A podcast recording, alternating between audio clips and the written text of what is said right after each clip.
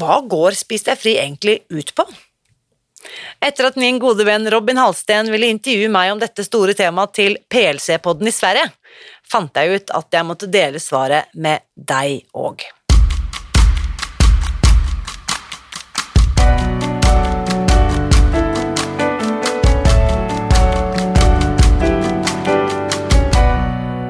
Mitt navn er Irina Lie. Jeg er journalist og forlegger, gründer og sosial entreprenør. I 2015 spiste jeg meg fri fra overvekt og fedme etter å ha slitt med vekt, kropp og følelser i nesten 30 år. Etter at jeg knakk koden, ga jeg meg selv et nytt oppdrag – å dele denne kunnskapen med alle som trenger det. I denne podkasten kan du derfor høre hele lydboken Spis deg fri.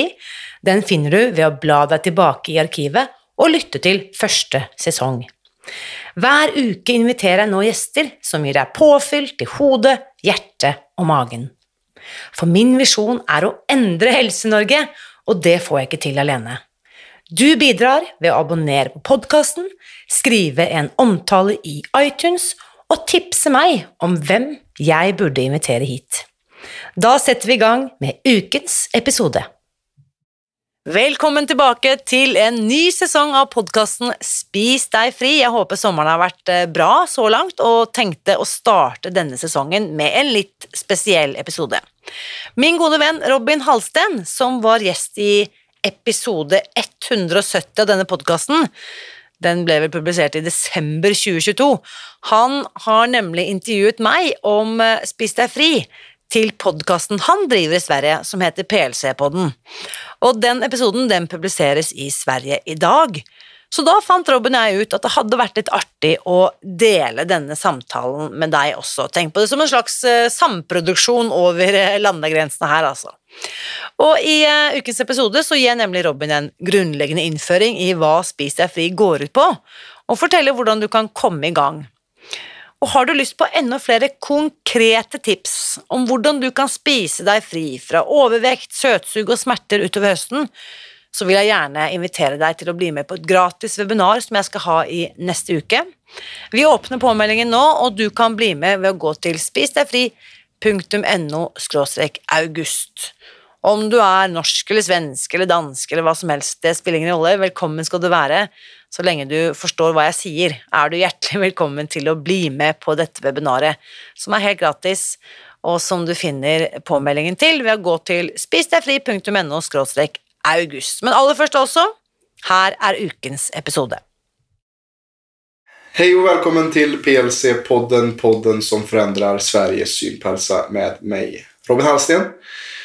Det er med stor glädje att äh, åter ha Irina Li här på podcasten. Och denna gången kör vi live.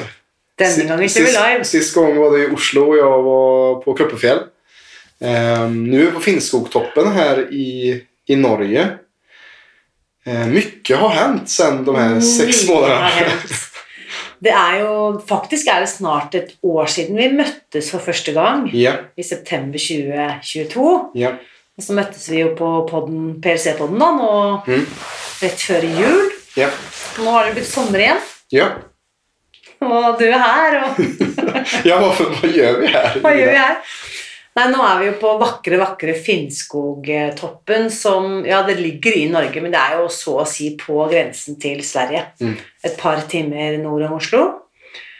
Hvor eh, jeg nå i sommer har et eh, retreat som heter Hvilepuls Mm. på Finnskogtoppen.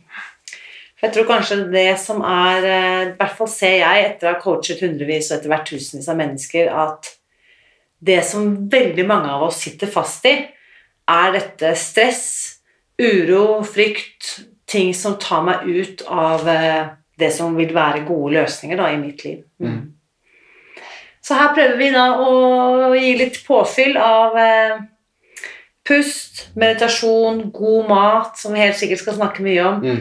Og så har jeg da invitert deg til å være med, sånn at du hver kveld tar oss inn i dyp, dyp avspenning med gongbad. Mm. Det har jo vært en, en helt fantastisk eh, gave.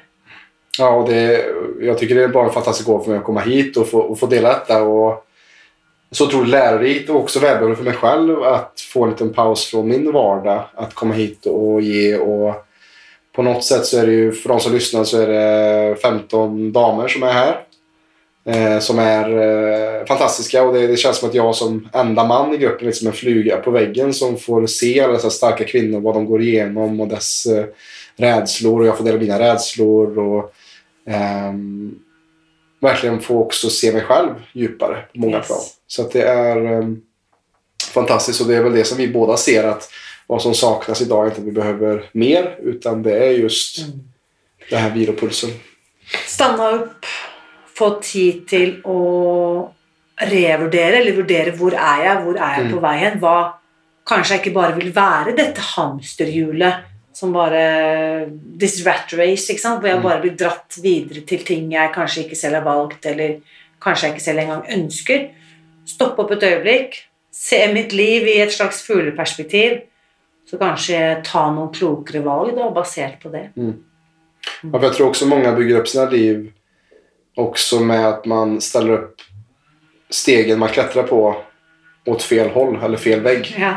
och så inser man, inser man att oj det var inte det här jag skulle mm. göra för att det kanske är ens föräldrars betingning eller andra saker som, som styr en. Um, och det är så intressant att se alla de här uh, breakthroughs som, som sker på sån här uh, vecka när man har tid att roe ner och ta det lugnt och uh, ge tid för meningsfulla konversationer och bygga ett sorts, uh, en gruppdynamik då. Mm. Där det finns en tillåtelse till att känna. Og det jeg erfarer gang på gang, er jo veldig mye av læringen ligger bare ved at du gir meg space til å fortelle, mm. slik at jeg får muligheten til å sette ord på det jeg bærer med meg. Mm. At jeg hører meg selv si det. Og så er det jeg som kommer opp med kloke svar for min egen del. Yeah. Så jeg ser jo også det i gruppen at det vi utveksler Veldig mye av læringen skjer deltaker, deltakeren seg imellom. Ja. Ved at uh, jeg lytter til hva den andre sier, og så reflekterer jeg over Oi, dette også, gjelder jo også meg i mitt mm. liv. Mm. Så uh, det er det jeg elsker med Holster Retreat, er å skape det rommet hvor vi kan ha mange samtaler gående. Mm.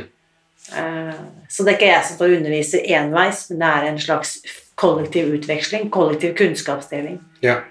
det, er noe, det är något mäktigt när vi kommer ihop og i et samarbeid som er i dag veldig splittret eller isolert fra altså vi er eh, via skjermer og sånt men just det her autentiske møtet med mennesker, å få se noen i øynene, som vi har gjort her på retreatet och få höra folks rädslor och framsteg. Det är fantastiskt att se eh, och vad det bringar. Och det är det som jag tycker är intressant också med det här avsnittet som jag ville göra med dig nu. Runde rund två, eller del två av eh, vad, vad vi har gjort tidigare då. Och för de som vill lyssna så avsnitt 76 var du med. Där vi snackade mycket om eh, ditt perspektiv på hälsa och lite som du har ju också lite samma vision som vi med PLC att förändra Norges syn på hälsa. Och här kommer ju det känslomässiga, emotionella och det som vi jobbar med den här veckan väldigt mycket in i det. För att som jag ser du har också jobbat in tolvstegsprogrammet lite i det du håller på med och, och tankar från det. Tacksamhet, att jobba med vår emotionella natur för att se att det är inte bara plus och minus mm. när det kommer till, eh, till vår hälsa eller gå ner i vikt. Att det finns så många andra faktorer som vi behöver ta i eh, åtanke när det kommer till detta. Mm. Eh, och det är det som är så roligt att du fått höra att du är så extrem i många sätt och, och, och vis med hur hur du eh, håller på med maten eller den biten. Så jag tänker vi ska dissekera lite ja. hur extremt din metod är. För att jag ser inte heller att den är så extrem. Med moderna mått mätt med hur ohälsosamma vi är idag så kanske det är extremt för gemene man. Men hade du gått tillbaka hundra år så är det inte så extremt egentligen. Eh, och det är det jag tänker att vi ska prata om lite, den här metoden som jag har nu följt nu ett halvår också, sett dina klienter och de du jobbar med och ser otroliga resultat. Mm. När jag var på sommarfesten där på Villa Malla i, utanför Oslo i, i, mars. i mars. Då var det årets drottning, eller vad var det? Årets eh, frihetsgudinna. frihetsgudinna. Som hade gått ner 50-60 kilo. 67 kilo. Ja. Så vi kan jo snakke litt om spis deg fri-metoden, da, som mm. den heter på norsk. Et deg fri, spis deg fri. som er den uh, metoden jeg underviser i uh, og har gjort nå gjennom de siste seks-syv årene. Uh, bare for å si litt om navnet jeg, et, jeg prøvde å finne et norsk navn. Dette er jo et amerikansk konsept som heter Bright Line Eating, som jeg selv fulgte i 2015. Gikk ned over 20 kilo og tenkte at denne kunnskapen kan ikke jeg sitte på alene. Den må jeg dele med alle som trenger det. Så det er absolutt et program og en metodikk som appellerer til personer, og spesielt kvinner som ønsker å gå ned i vekt. Mm. Så det er gjerne det kanskje folk forbinder Spis deg fri med. Det er et vektreduksjonsprogram. Mm. Men det er ikke bare det. Fordi det som du også, du har jo møtt kvinner her på dette retreatet. Denne måten å spise, leve og tenke på hjelper deg også til å spise deg fri fra denne ustoppelige lysten, søtsug, cravings, denne, dette begjæret etter mat. Den eh, svært, svært mange som spiser seg fri fra smerter. Og også mm, veldig mange har et eh, kompenserende forhold til mat, slik at jeg er besatt av et tankekjør, selv om jeg ikke nødvendigvis er anorektiker eller bulemiker, men jeg tenker kontinuerlig på nå har jeg spist noe, nå må jeg kompensere med å trene, burde jeg kanskje spise mindre til neste måltid. Dette er, kan være en tankemessig besettelse. Mm. Det er også mulig å spise seg fri fra når vi følger denne planen eller denne metoden. Og for å si litt om vektresultatene, så er jo de oppsiktsvekkende. Eh, eh, og det er selvfølgelig det parameteret som det er lettest å måle når vi har personer som går ned et snitt kilo i uken, eh, kan spise seg fri fra kategori fedme, fedme grad 1, grad 2, grad 3, ned til normalvekt. Resultatene de får over tid. Så det er veldig gjerne ofte det vi snakker om, men dette har jo veldig mange andre eh, områder som det også påvirker i livet. Så vi kan jo da se at eh, i Spis deg fri-metoden så vil jeg si at det spesielt appellerer til de av oss som definerer oss som matberoende. At mat er ikke noe vi eh, Og da ser vi jo at hva slags type mat er det jeg blir beroende på. Mm. Det er jo ikke brokkoli og godt kjøtt og potatis, men det er sukker og mjøl. Det er Mm. godis, hvetebakst, boller, kaker eh, Alt som er søtt eller melholdig. Og næringsfattig. Ja, egentlig helt totalt tomme, Mm. verdiløse kalorier, da, Mm. for å kalle det det. Så når jeg kutter ut Dette er jo da vi følger disse fire enkle linjene som vi kan snakke om. Vi kutter ut sukker. Mm. Vi kutter ut mjøl. Vi spiser kun tre måltider om dagen. Og hvis målet er å gå ned i vekt, så spiser vi også én bestemt mengde mat til hvert måltid. Så ved å følge disse rutinene egentlig ganske slavisk, kall det gjerne ekstremt, Mm. så bygger vi nye vaner rundt mat og måltider, slik at etter hvert så er maten jeg spiser, det er noe jeg gjør for å gi kroppen min næring og påfyll. Ikke for å trøste meg selv når jeg har det kjipt. Ikke for å gå og se i kjøleskapet for at nå kjeder jeg meg litt, nå har jeg litt tråkigt, kan jeg finne på noe, hva kan jeg lage nå? Jeg spiser ikke fordi at jeg er trøtt. Jeg spiser ikke fordi at jeg er sliten. Jeg spiser disse tre måltidene for å gi kroppen min det kroppen vil ha. Mm. Eh, og da er det jo veldig mange spørsmål som umiddelbart kommer opp. Hva, hva spiser du, Rina, hvis ikke du spiser sukker og mjøl? Da kan jeg ikke spise pasta, da kan jeg ikke spise pizza, da kan jeg ikke spise frokostblandingen min som er loaded med sugar. Og da er det sånn som du sier, vi tar egentlig et steg tilbake til hvordan man spiste i gamle dager. Mm. Ekte råvarer, naturlig mat, mat som mine oldeforeldre ville ha kjent igjen. Mat som veldig ofte kommer uten emballasje. Mm.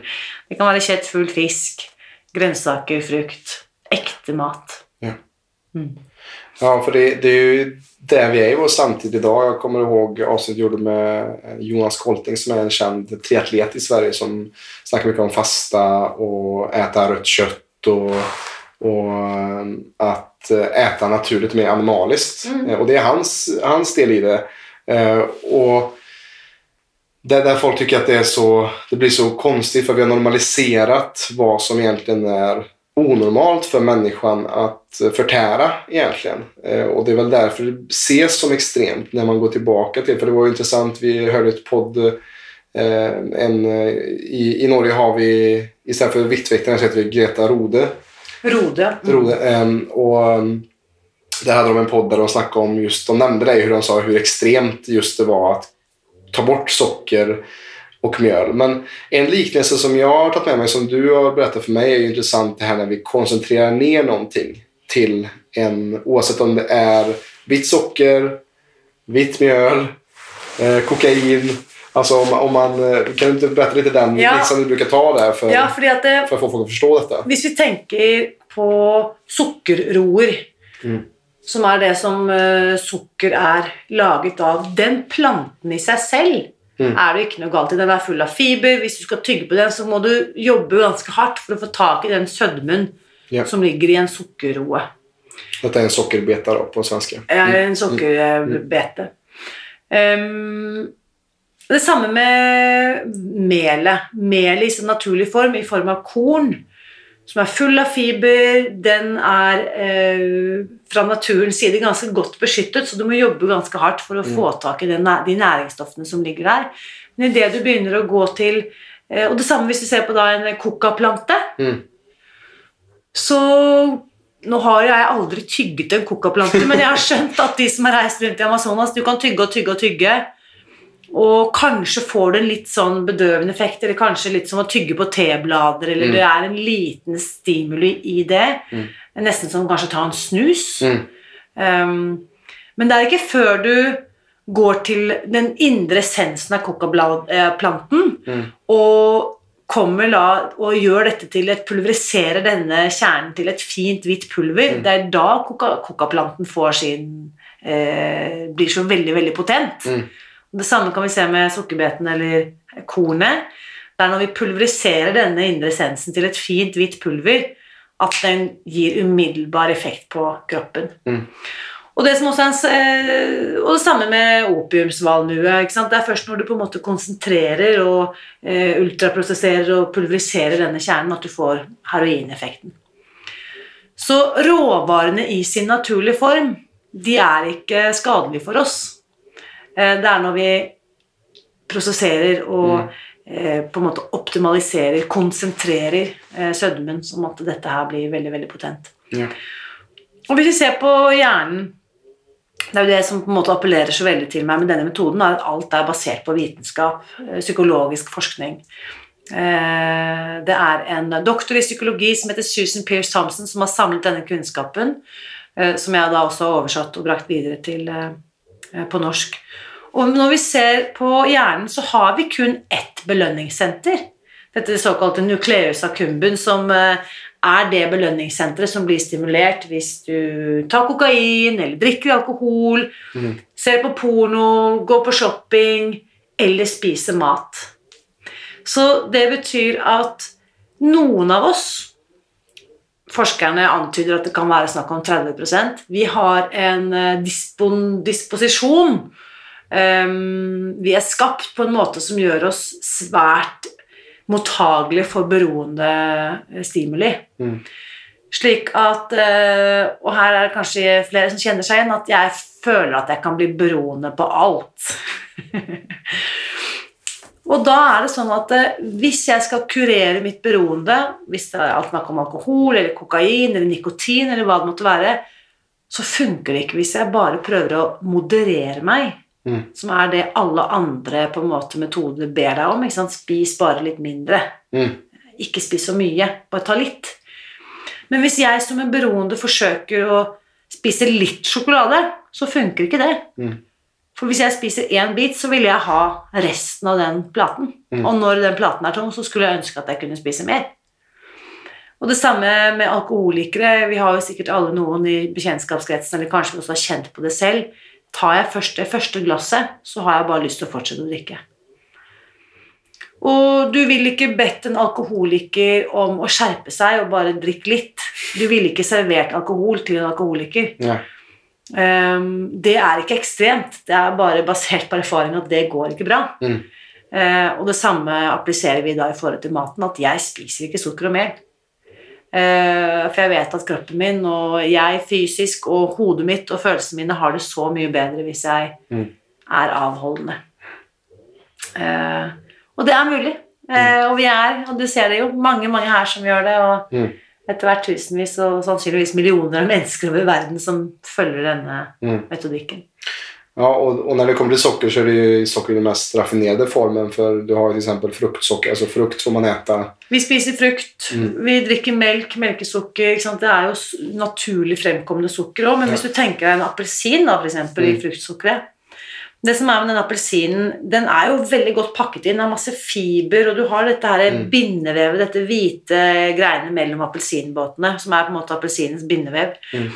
Så du kan tenke deg at eh, når jeg spiser en appelsinbit, så tar det ganske lang tid før kroppen min med enzymer og spytt og alt av fordøyelse som setter i gang med en gang jeg putter den i munnen, det tar ganske lang tid før jeg har klart å ekstrahere sukker fra denne appelsinen, Mm. slik at det påvirker blodsukkeret mitt mye saktere Mm. enn hvis jeg skviser denne appelsinen, bare juicer den, tar ut all saften, og Mm. så drikker den ned, så er det som om jeg drikker cola. Altså Ja, kroppen ja. er jo den Ja. Effekten er jo umiddelbar akkurat på samme måte. Yes.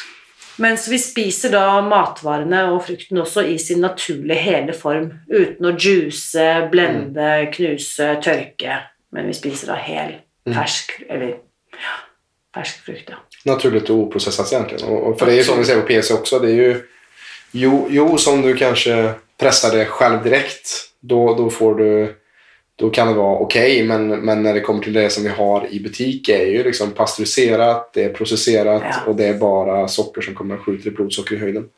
Men det er også hvis du, hvis du juicer Hvis du skal ha et vanlig glass med appelsinjuice, Mm. så må du kanskje da juice tre Precis, appelsiner. exakt.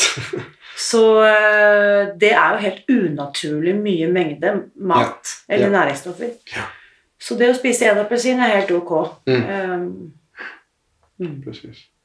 Men och, som jag tänker också, den här resan som du har ju varit på sedan 2015 och sen du uppdagade just den här metoden och efter att ha prövat i så många år att eh, träna mer och, Ja. och äta mindre och gå på diverse olika slankekurer och Jeg har jo og sånne 30 år bak meg med overvekt og fedme, Mm. så jeg føler jo at eh, det er jo det som er min primære kompetanse. Mm. Det å virkelig kjenne på kroppen hvordan det er å sitte fast. Mm.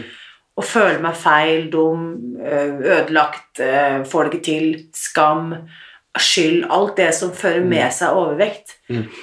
Eh, Jeg var heldig, jeg var jo eh, hadde ikke fått noen andre følgesykdommer, jeg, men de hadde jo helt sikkert kommet. Mm. Så hadde jeg ikke ennå rukket å få noe diabetes type 2 eller noe revmatisme eller noe leddgikt eller noen ting, men mm. eh, det å bli fortalt at det er jo så enkelt, du skal bare spise mindre og trene mer Mm. Resultatet av det er liksom Å ja. Så når jeg ikke klarer det, så betyr det at jeg må være grådig, da. Eller at Mm. jeg driver med fråtseri. Mm. Og hvis jeg ikke beveger meg nok, så må det vel bety at jeg er lat eller udugelig, inkompetent. Mm. Sannheten var at jeg trente jo dritmye. Jeg var jo i kategorien fedme, men jeg løp jo mange ganger i uken. Fullførte et halvmaraton. To ganger. Mhm. Eh, amerikanerne har jo et begrep som heter fit but fat. Mm. Eh, Og jeg gikk kanskje ned fem kilo da i løpet av det året jeg trente meg opp til halvmaraton, men med en gang jeg ikke løp da 10-20-30-40 km i uken lenger, så la jeg jo på meg. Mm. Så det å skulle prøve å kontrollere vekt ved hjelp av trening, det vil jeg påstå er umulig. Det er i hvert fall veldig, veldig slitsomt. Mm. Eh, Jeg ser at, eh, og dette har jeg fordypet meg i også som yogalærer og pusteinstruktør, handlingsinstruktør, at det som også holder veldig mange fast i overvekt, er jo stress. Ja. Eh, Så det er også noe av bakgrunnen til at jeg inviterer inn til retreat av denne typen, at vi må komme ned i varv. Mm. Vi må rett og slett gjøre kortisolloaden på kroppen vår, Mm. dette stresshormonet. Vi må skru av veldig mye av det som påfører meg stress. Mm. Som, eh, det er den lange, rolige utandningen som også hjelper kroppen til å gi slipp på også overvekt. Just det. Mm. Men det är som Anders som är vår gemensamma. Nämnare och det var ju han som var här förra året så det känns kul att, att, att jag Ja. är här i hans plats. Det känns väldigt hedrande med, med det namnet. Eh, men eh, precis som du säger, det är ju det som vi också ser på PLC och, och så många gånger så har jag mött kvinnor som är så fast inne i det här uh, hamsterhjulet eller den här uh, onda cirkeln i att om jag bara tränar mer, äter mindre så kommer det gå bättre eller då kommer jag gå ner i vikt. Och det kanske funkar när man var 20, 25, 30 men ofta så ser vi att då kommer också problemen med kropp, kroppsliga problem med sköldkörtelproblematik eller Yes. med matsmältningsproblem eller vad det kan vara, IBS på grund av stressnivån som vi också har normaliserat idag. Alltså många, det är det som jag tycker är så fint med gången för att jag vill ju få folk som kanske inte inser att de kanske är på en sexa, sjua normalt sett i, i stressnivå när man kanske borde vara på en tvåa, trea. Mm. Att få folk att komma ner och känna skillnaden på hur inre frid kan kännas. För det är därifrån mycket förändring sker, tänker jag också. Vi behöver tystnad, stillhet, vi behöver ro.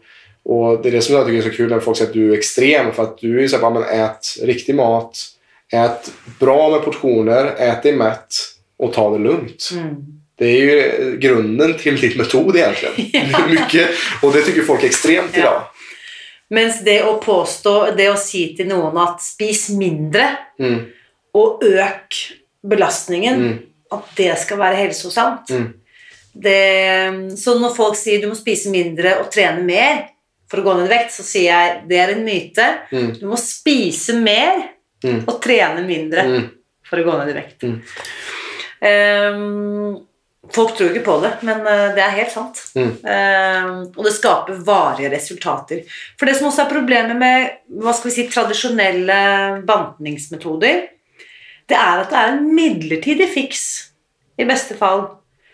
Fordi idet du gir kroppen mindre mat, så vil kroppen Altså, vi er jo helt uh, guddommelige skapninger. Mm. Vi er jo så intelligente, langt mer intelligente enn vi selv skjønner. Mm. Så hvis jeg reduserer mitt matinntak, så vil min matsmeltning automatisk, min forbrenning, vil reduseres. mm, Slik at jeg nå skjønner at ok, nå er det litt krisetider, nå får ikke Irina så mye mat som hun trenger. Mm. Så vil min basalforbrenning, my resting metabolic rate, vil reduseres. Mm. Så når jeg da etter en bantningskur spiser mer igjen, så er ikke kroppen min tunet til å forbrenne så mye kalorier, Nei. som igjen gjør Da går jeg rett opp igjen i vekt. Mm. Og det samme med mer trening. Kommer det et høyere stressnivå i kroppen. For mer adrenalin, mer kortisol. Mm. Som også gjør det vanskelig for meg å fordøye maten og ta til meg de næringsstoffene jeg trenger. Så det blir egentlig en tap-tap-situasjon. Det er et interessant eh, Man har jo nå 40 år med data på denne metoden, som har kommet med ulike navn, men konseptet er det samme. Spis mindre, tren mer. Mm. Og da har man sett i en gruppe med 100 overvektige, så er det én person som i løpet av ett år kommer ned i normalvekt Mm. ved å spise, mindre og trene mer. Mm, Og så lager man et nytt utvalg da med 100 nye av disse som faktisk har klart det. mm, Og så ser man etter syv år hvor mange har bibeholdt sin normalvikt. mm. Én person. Så det betyr av de 10 000 som starter her i dag, så vil det være én person om syv år Mm. som har bibeholdt sin normalvekt. Og hvis du da ser liksom én av 10 000, det for meg er definisjonen på umulig. Mm. Det går ikke. Så jeg er jo veldig spent på å se når vi får langtidsdata på denne metoden som jeg følger. Jeg vet at eh, korttidsdataene har, vist at det er 80 80 ganger mer effektivt Mm. enn sammenlignbare eh, interventions over ti uker, da, som vi jobber med. Ja. Og så får vi se over tid. Eh, Ja, men det var intressant. Jag lyssnade på det avsnittet du la ut här för några veckor sedan när du just det firade de här sju åren. Eller att jag är ett mirakel. Eller Jag är ett att jag är en på 10 000. En 10 000. Sju år har gått och det är ju utrolig otroligt just att se att, att det är sådana siffror. och Att, som vi var inne på ett apotek häromdagen och så, och så gick jag litt och skrattade och tog fram en sån här low calorie diet. Alltså så här, när det kom till vikt och, och hälsa i, i apoteket så är det, liksom, det är det som är dominerande idag när det kommer fortsatt. Och lite som du snackade om också om, om socker och den biten hur vi om 30 år kanske kommer se på socker som vi ser på till exempel tobak idag. yes. Eller hur vi kanske kommer se, hur kunde man tänka sådär faktiskt? Eh, och förhoppningsvis så är det jo det vi ser. Oj. Oj.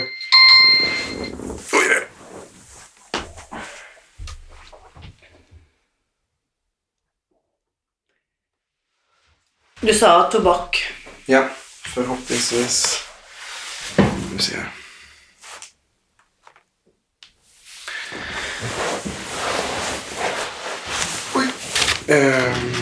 Ja, att om, om 30 år så kanskje vi ser på socker og kanskje hvetemel og de här processade grejerna precis som vi ser på, som vi ser på tobak idag.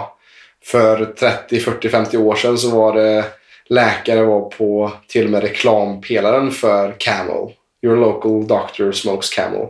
Alltså det er jo helt vanvettigt egentligen mm. Når vi ser på det idag. Alltså, hur kunde det ens vara möjligt att man eh, med, med propaganda egentligen eh, gjorde saker normaliserat. Någonting som vi idag vet inte är bra för oss. Men det jeg tror f.eks. også med tobakken, som ikke skal undervurderes Effekten av at jeg har noe å holde fast i, Mm. og som Anders Olsson også har snakket om, når du røker, hvordan du faktisk automatisk forlenger ditt din utandning, Mm. slik at du har noen Altså, tobakken har en funksjon utover det å tilføre kroppen nikotin, Mm. Ja. som selvfølgelig gir deg en fysiologisk eh, reaksjon, det òg, men vanen ved å ta meg en fem minutter, stå utenfor kontoret, ta meg en sigarett Det gir meg en mulighet til å spenne av og andas. Ja. Og den funksjonen ved maten er også veldig viktig. Den gir deg faktisk et energiløft, denne sukker- og Mm, ma- mm, melbero- eh, mele- inn- eh, melematen, altså mat som inneholder mel eller sukker. Du får faktisk et energiløft. Du blir faktisk lykkeligere Mm. på kort tid. Og den døyver ned det du måtte ha av ubehagelige kjensler. Mm. Så det er akkurat dette her. Hvordan skal jeg erstatte den effekten maten gir meg? Jeg må finne nye strategier i møte med meg selv.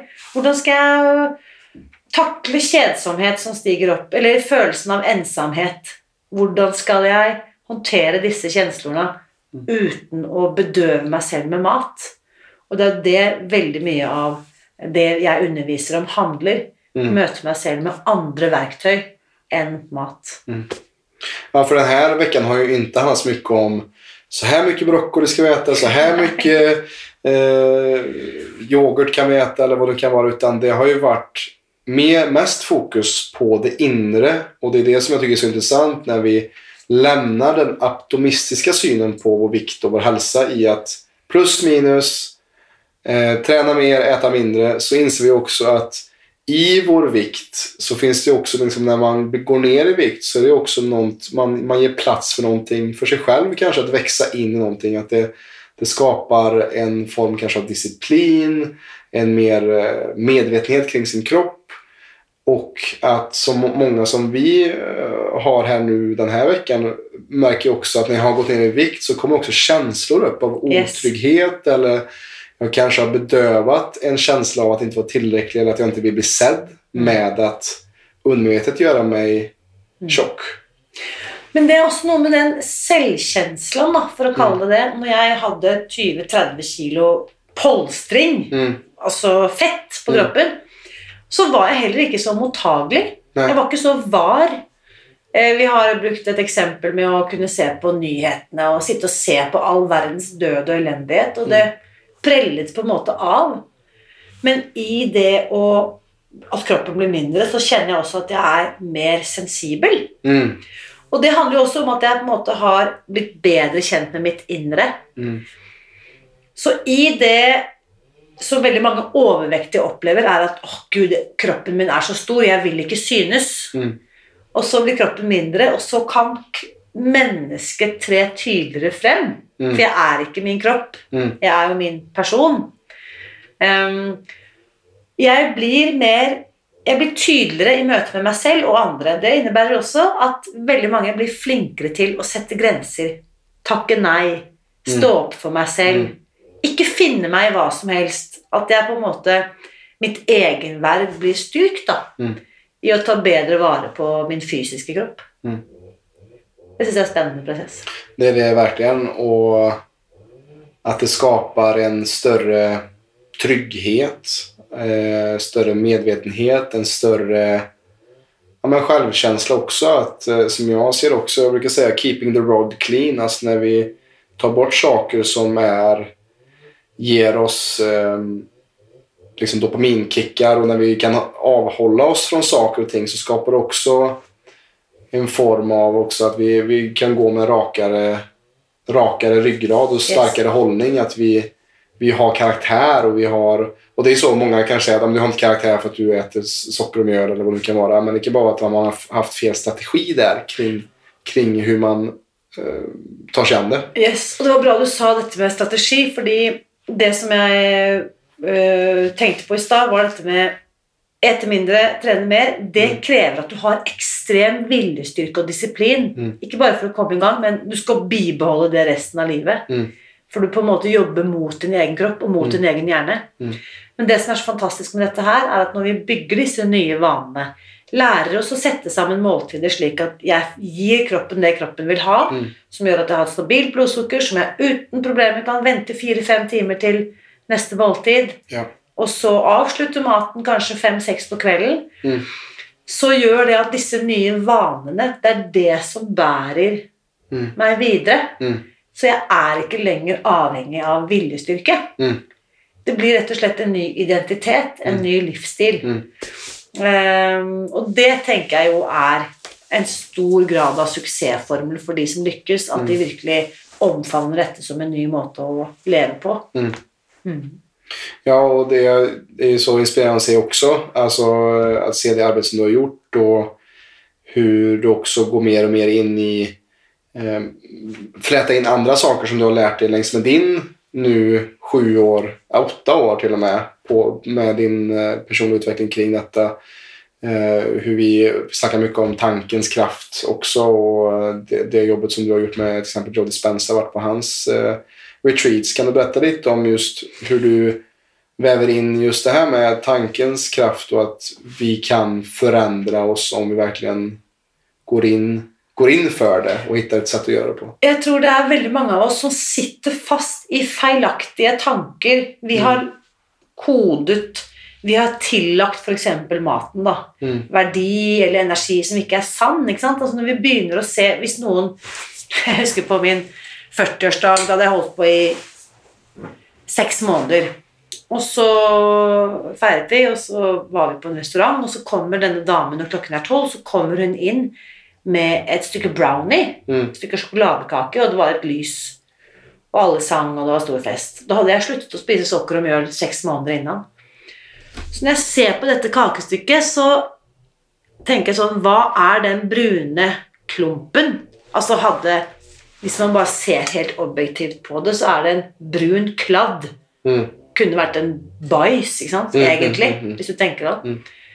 Så måtte jeg intellektuelt minne meg selv på Å ja, vent da, nå gjør hun dette som en veldig hyggelig gest. Jeg må smile, si takk og ta imot. Min assosiasjon til det brune greiene som var klissete, var ikke lenger Det er ikke lenger noe jeg putter i munnen. Mm. Mm. Så ved å se på ulike ting i livet mitt, så kan jeg velge å legge, vurdere det for det det virkelig er. Dette er ikke godsaker, noe jeg skal kose meg med, liksom snop eller godis. Dette er ting som påfører meg smerte. Det påfører meg overvekt. Det påfører meg skam Mm. er dette ting jeg vil putte i kroppen min. Mm.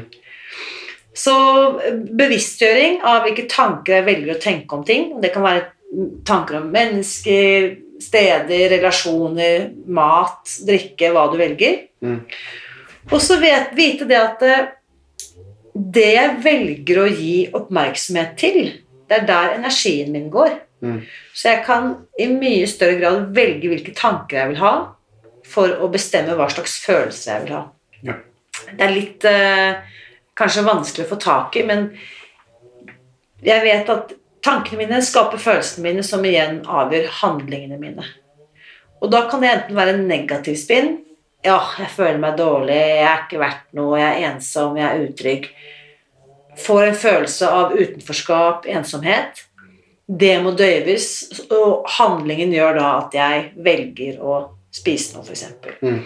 Men la oss si at eh, jeg velger å bruke ti minutter på starten av dagen min til å meditere, lytte, vende oppmerksomheten mot alt jeg er takknemlig for i livet mitt, hva som motiverer meg, hva jeg har lyst til å oppleve denne dagen. Jeg kommer i en følelse av glede, forventning, kjærlighet, Mm. Optimisme, som gjør at når jeg kommer tilbake inn i, i hverdagen min, tar bedre, klokere, smartere valg. Mm. Så vi kan velge hvilke looper vil jeg være i. Vil jeg være i den nedadgående spiralen som gir meg Og jeg vet hvilke resultater det er, og det blir bare verre og verre og verre.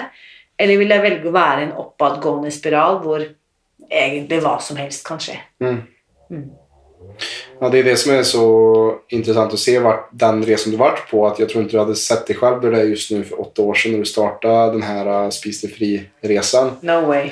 Ehm, och som en av de största takeaways som, som jag tog med mig. Jag vet vi hade någon skrivövning där på Villa Malla i, i eh, mars. Och där var, då, då skrev jag ner på ett papper så här, vad är en av de största takeaway från idag? Då skrev jag att One woman can change the world.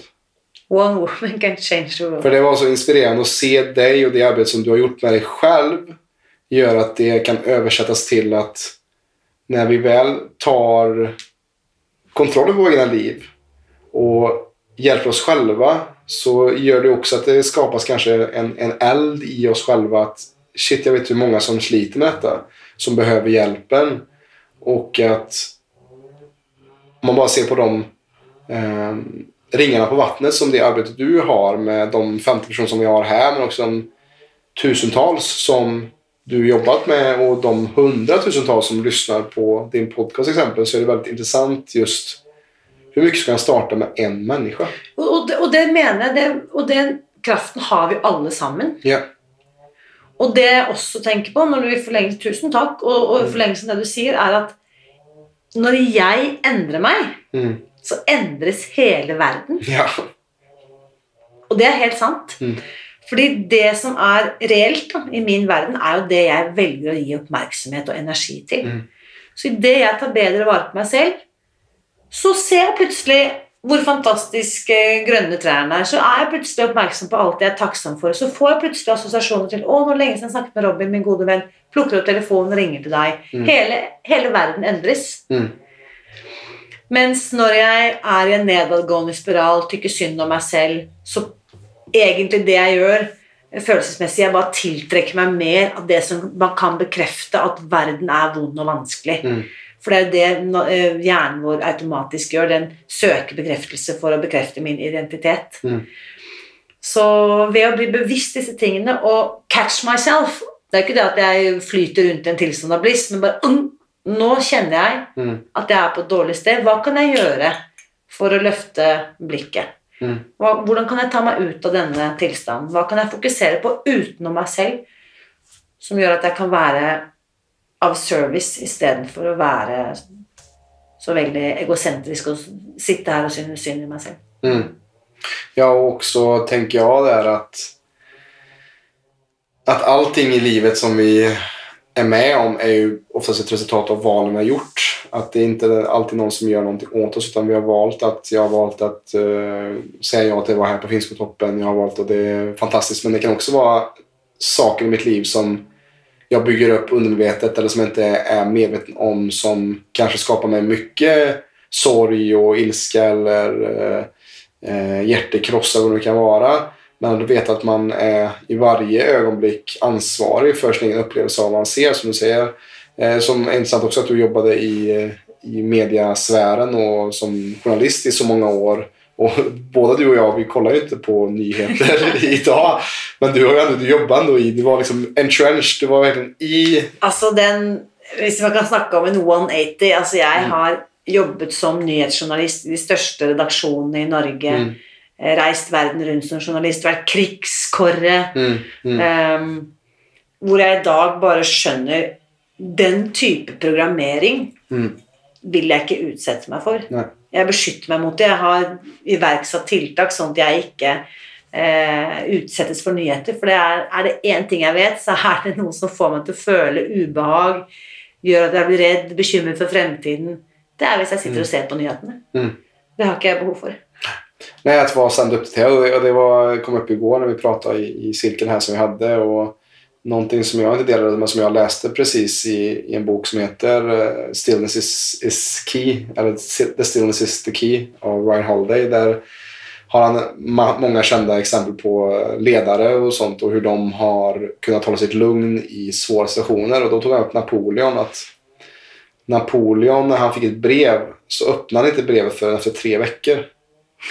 För att oftast hade det som brevet handlade om, det hade redan löst sig under de tre veckorna. Det var inte så viktigt. Vad som kan vara viktigt eller som att jag måste ju veta vad som händer klockan åtta på morgonen och klockan nio på kvällen. Vad är det som händer i världen? Men frågar du gemene man, okej du kollar på nyheter varje dag. Vad sa de för två dagar sedan? Eller vad sa de för fyra dagar sedan? Eller vad var på nyheterna för sju dagar sedan?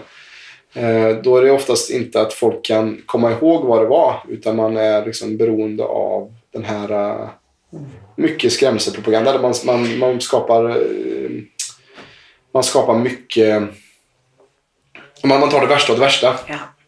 Fear porn Mm, er det noe som heter. mm, Fryktporno. Mm. Og det som ikke kan undervurderes, er at kroppen vår, hjernen vår, er også addicted til å søke til fare. mm, Det er derfor hjernen vår holder oss i live, for den kan forutse alle mulige slags potensielle farer. Ja. Men det gjør også at eh, hvis den får noe å knagge seg på, så det utskiller da eh, hormonell respons, ikke sant? og så blir det signalisert ned til binyren at nå skjer det noe skummelt. Du får et kick av eh, adrenalin som gjør deg mer årvåken i en tilstand av fight or flight. Du er eh, klar til å ta et angrep når som helst mm, lytter etter fare. Så denne typen kjemisk respons i kroppen kan du også bli beroende av. mm, Så det gjelder å være litt sånn bevisst, mm. medveten på hva er det, hva slags kjemiske reaksjoner utsetter jeg kroppen min for, Mm. og hva ønsker jeg å fylle på med. Mm. Ja, du må gjerne shoot up, liksom. Kortisol, adrenalin og alt. Kortisol og noradrenalin og alt dette her. Uh, be my guest. Jeg er, jeg er ferdig. Jeg er eh, in recovery. Mm. Verkligen. Och Irina, jeg tenker vi ska runda av alldeles strax här. Men jag tänker så här, det har gått åtta år på den här resan med Spis dig fri. Och det är nog någonting som du inte ens kunnat drömmat om vad, vad du gör idag. Vad, vad tror du det är om åtta år framåt? Eller vad, la la, det vad- et vad- vad, vad, vill du, vad vill du göra och skapa framåt?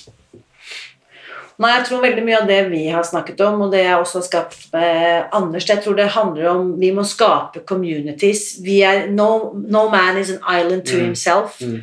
Så jeg tror det å koble meg på, finne andre gode mennesker i mitt eget liv, men også dele den kunnskapen, for vi er etter hvert så mange som sitter på enorme ressurser og kunnskaper.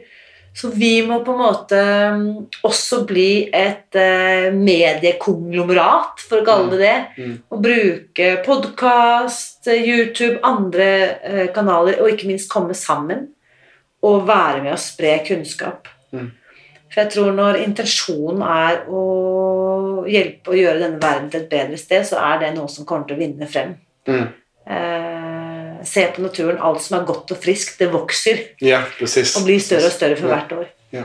Så jeg har ikke lagt noen sånn uh, tak på hvor jeg er eller hva jeg gjør. Jeg bare er med på Jeg hadde ikke planlagt å være her, så hvem vet hvor jeg er om uh, åtte år.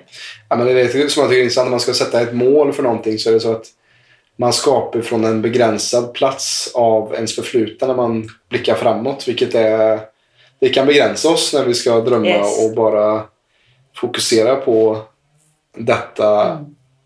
ögonblicket just nu. Hur kan jag göra detta så bra som möjligt? Hur kan jag göra den här dagen så bra som möjligt för att skapa möjligheterna för att min framtida jag ska kunna skörda framgång eller skörda lugn och ro och, och balans. Men det som er en sånn kompassnål for meg, dit jeg går mot, det er faktisk ubehaget mitt. Mm, mm, Der jeg kjenner motstand eller bare 'Å nei, det tør jeg ikke', mm, så pusher jeg gjennom. Mm. For det har jeg opplevd så mange ganger, så mange år på rad nå. Eh, det, der hvor jeg kjenner at 'Å, dette er skummelt', i utkanten av min komfortsone. mm, mm, Det er der jeg ofte går. Så for å øve meg på dette, dette har vi snakket mye om, så gjør jeg også fysiske øvelser på ting jeg foreløpig ikke behersker. Sånn som denne våren har jeg øvd meg på å stå på hendene. Mm. Jeg er 47 år gammel. Det er veldig veldig kult at jeg i en alder av 47 år for første gang klarer å komme opp i håndstående. Ja. Det blir ikke fred i verden av at jeg kommer opp i håndstående. Men for meg er det bare et eh, eh, Det representerer at det som jeg tidligere trodde var umulig, er mulig for meg. Mm. Og det tror jeg gjelder for alle mennesker, at eh, du har et så enormt stort potensial. Mm. Det gjelder bare å våge å gå inn i det. Eh, så tar det kanskje litt tid. Mm. Men det som jeg sier også, bemestring, eller at bemästra noe, er jo nyckeln till att lyckas i livet. För har du byggt upp en inre resurs och inte förlitar dig på andra, eller det är klart vi ska förlita oss på andra i form av eh, samarbeten och sånt också, men ju mer man har kontroll över sin kropp och dess funktioner så är det jo också lättare att bygga upp någonting från grunden om vi inte förlitar oss på allt för externa källor. Alltså att investera i kunskap, visdom. Eh, Som många säger att om du sätter en, en miljonär, miljardär fattig på, i, utan några pengar i ett nytt land utan att känna någon så kommer han bygga upp den resursen för att han har eh, den indre vetskapen att han kan skapa det vart som helst. Ja. Nei, så jeg tror nok at uh, det er kanskje min viktigste takeaway. At uh, det jeg ønsker å få til, det er mulig for meg. Mm. Hvis jeg kan tenke det, så kan jeg gjøre Mm. det. Og det kjenner jeg også veldig viktig for meg också å høre just nu tror jag. Just att, eh, att våga tro. Att at våga tro och att inte låta den gamla versionen av meg selv begrense min framtida Mm. jag. Ja, spännande och tack för uh, detta avsnittet Rina och tack för att jag får vara här. Det är en otrolig ära att få vara med och, och dela den här veckan med dig. Uh, och det är något jag kommer komma ihåg för resten av mitt liv tror jag faktiskt. Ditto. Um, och för dig som vill veta mer om just metoden så kan man ju kolla in Brightline Eating av Susanne Pierce Thompson. Spis deg fri. spis deg Den, spisdegfri.no. Den Mm. finnes også på svenske Adlibris. Kan man kjøpe den norske Ja. boken. Mm, ja. Så det er jo da adlibris.se. Mm. Eh, Men vi har jo mange svenske kursdeltakere også. Det er jo Ja. et lite sånn mini-community i Sverige som eh, Ja. Og podkasten Spis deg fri, det kan jo også være en bra start. eh, Ja. Der man også kan lysne til lydboken Spis deg fri helt gratis. Just det, det er första avsnitten eller? Nei, hele boken. Hele boken? Ja. Du kan lysne på hele boken. Ja. Mm. Fantastisk. Så kolla hennes podcast 'Spise fri. Eh, og om du har forstått, forstått hennes norske.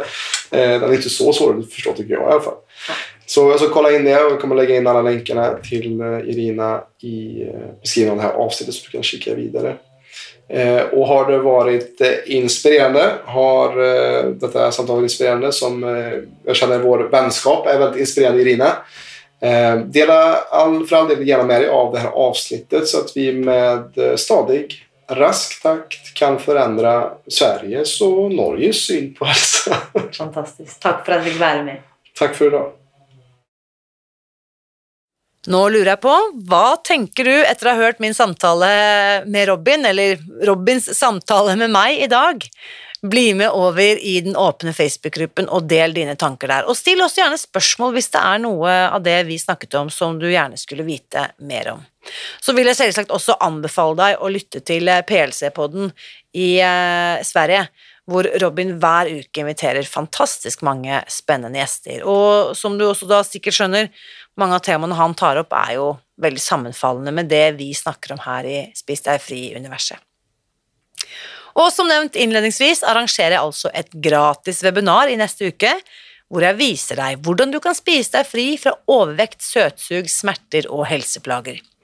Du melder deg på ved å gå til spisdegfri.no august, og her på dette webinaret så vil jeg også fortelle deg hva som er den vanligste feilen folk gjør når de forsøker å gå ned i vekt, og så vil jeg vise deg hva som er nøkkelen til varig vektnedgang. Det er nemlig enklere enn du tror. Påmeldingen den finner du altså ved å gå til spisdegfri.no august, og ikke nok med det, på webinaret så gir jeg deg også supertrikset mitt for å stoppe alle former for søtsug og cravings i løpet av ett minutt. Webinaret er eh, gratis, men antall plasser er begrenset. Du sikrer deg din plass ved å gå til spisdegfri.no august og melde deg på nå. Da håper jeg vi ses snart. Husk også, uansett hva du gjør for å ta vare på deg selv, så vit at jeg heier på deg. Alltid.